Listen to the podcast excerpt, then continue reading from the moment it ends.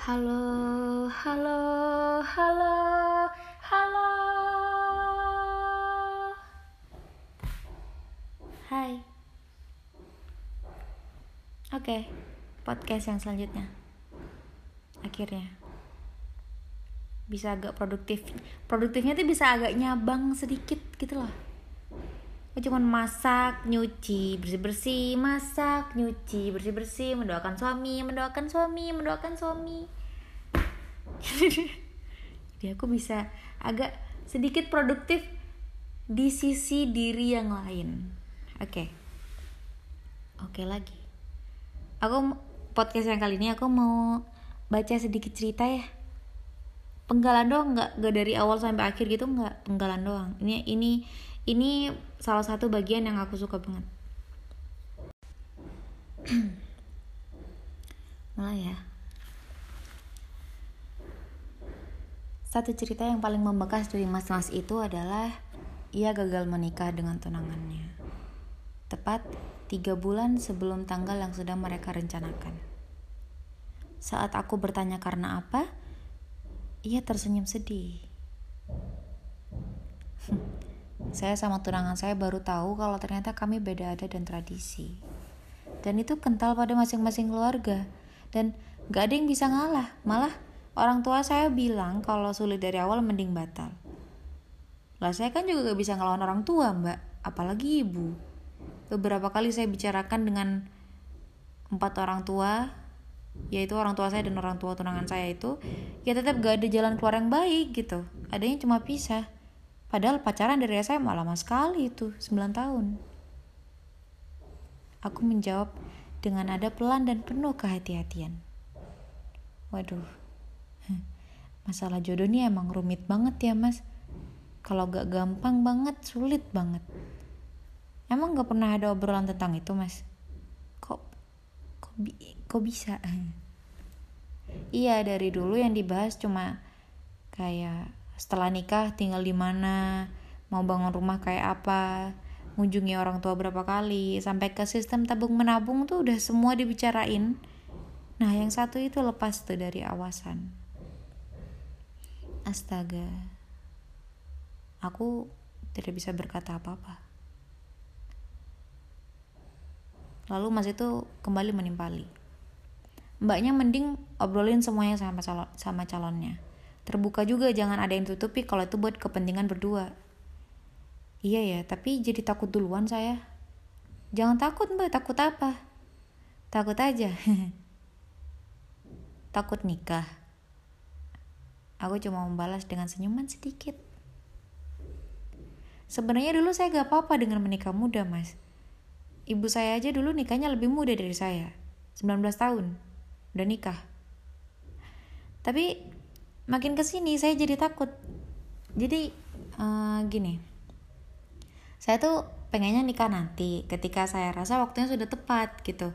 Karena kalau ngelihat reaksi orang orang-orang lain yang dengar tentang kabar saya dilamar tuh hampir semua di antara mereka kasih saya reaksi seolah-olah saya masih terlalu kecil.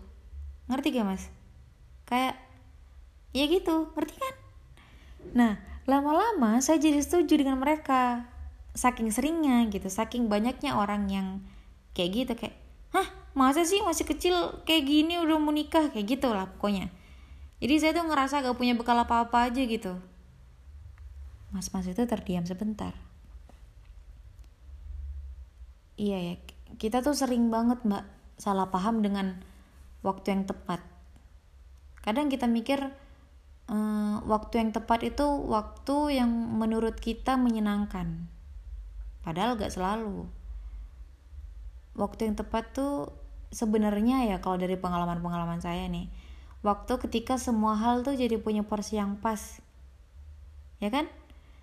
Nah itu mbak yang gak pernah kita tahu dari awal. Ya gitu. Manusia tuh kadang terlalu optimistis sama rencana sendiri. Padahal hidup kita aja diatur lalu esoknya setelah sampai di Jogja uh, subuh ya mana nih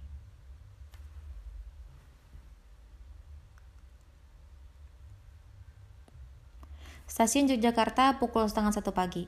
Tidak terlalu ramai, tapi tidak pernah benar-benar sepi.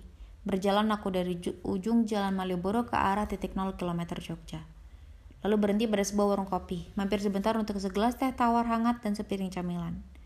Lama aku duduk sendiri di sana membaca buku milik Putut EA yang judulnya Cinta Tak Pernah Datang Tepat Waktu. Berlembar-lembar larut dalam peran yang pernah juga aku alami sendiri. Sedikit banyak aku tersenyum jujur karena pernah ada di posisi itu. Saat terlalu asyik berenang dalam cerita Putut, Satria mengirimiku pesan. Aku udah bangun, kamu lagi di mana? Melihat pesannya, ini pasti sudah subuh di Malang. Berarti di Jogja 12 menit lagi. Waktunya istirahat, pikirku. Aku membalas pesan Satria sambil berjalan menuju hotel tempat menginap untuk dua malam ke depan. Di sela-sela mengobrol, aku teringat cerita milik mas-mas di kereta tentang pertunangan mereka yang terpaksa putus. Aku berpikir mungkin ada baiknya membicarakan itu sekarang karena selain agar Satria tahu aku sedang merasakan sesuatu, siapa tahu ada hasil diskusi yang menenangkan di akhir nanti, ya kan? Aku perlu terus terang dan terus tenang. Sat, masa aku tadi ketemu orang di kereta terus dia cerita-cerita, mau tahu gak? Satria membalas, pacarku doang emang yang mengawali hari dengan bergibah. Ini masih subuh BTW. Gak gitu, baca dulu. Semua yang kuperbincangkan dengan mas-mas itu ku ceritakan pada Satria. Lalu Satria bertanya, Terus yang kamu takutin itu apa? Ya ini kan udah pernah kita bahas. Justru karena ini sudah pernah kita bahas, masih ada yang bikin kamu gak yakin. Ada. Apa meneh, Cahayu? saat cinta tuh gak pernah ada jaminannya ya kan lihat pacaran 9 tahun aja bubar cuman karena dua keluarga gak mau ngalah. Maksudku yang pacaran lama aja bisa tiba-tiba gagal nikah apalagi yang baru kenal beberapa bulan kayak kita. Lihatnya jangan dari sisi yang sebelah sana dong. Lihatnya dari sisi yang baik dong. Setipis itu loh nom garis jodoh. Pisah bisa tiba-tiba nyatu juga bisa tiba-tiba. Kadang tiba-tiba pisah buat tiba-tiba nyatu kadang ya kan lagian kalau dari awal aku gak yakin bisa tanggung jawab atas kamu yang ngapain tak lamar. Mending hidup merawat masa tua ya ibu. Iya benar. Benar kamu benar banget. Tapi aku kok bisa bohong tetap ada was-wasnya. Nggak apa-apa aku juga gak tenang. Persiapan pernikahan ternyata banyak dan panjang juga. Obrolan kami berhenti di situ. Meski Satria tahu betul bagaimana meredam kekhawatiran-kekhawatiranku, aku tetap merasa tidak yakin dengan langkah yang telanjur ku ambil. Walaupun sebenarnya aku tahu dan yakin Satria adalah laki-laki yang baik. Udah, gitu deh penggalan dongengnya. Penggalan awal dongeng. Abang, oh enggak. Aku pikir manggil aku. Ah uh, tuh kan lupa mau ngomong apa. Cerita lengkapnya nanti. Kalau kalau kalian penasaran cerita lengkapnya nanti aku beri kabar menyusul. Tapi kalau nggak penasaran terima kasih sekali sudah mendengarkan. Semoga suatu saat bisa penasaran ya uh, semoga juga cerita lengkapnya itu nyusulnya gak gak lama-lama banget. Semoga secepatnya. Jadi aku juga nunggunya gak lama. Nunggu apa aku? Nunggu diriku sendiri lah. Nunggu apa?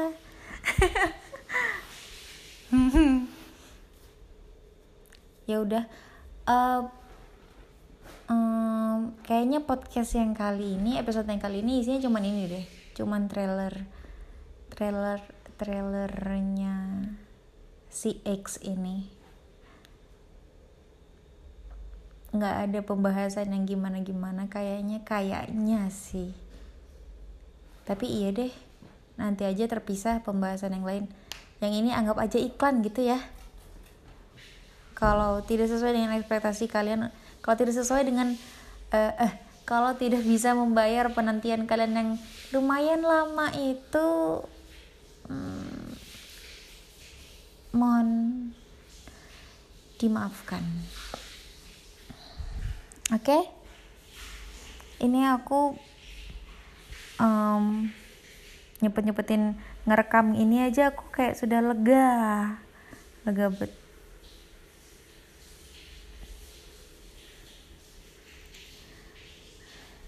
ditagih-tagih terus tuh kayak punya utang.